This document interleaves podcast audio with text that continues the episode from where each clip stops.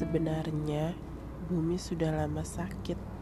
Sekarang lagi waktu krisisnya menuju koma. Semua yang ada di dalamnya mulai ikutan sakit. Sang Maha Agung sedang tidak marah, hanya menegur sapa.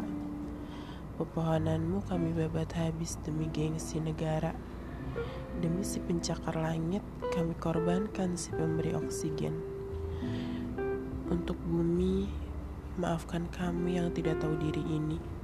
Sudah menumpang bukannya menjaga, malah merusak.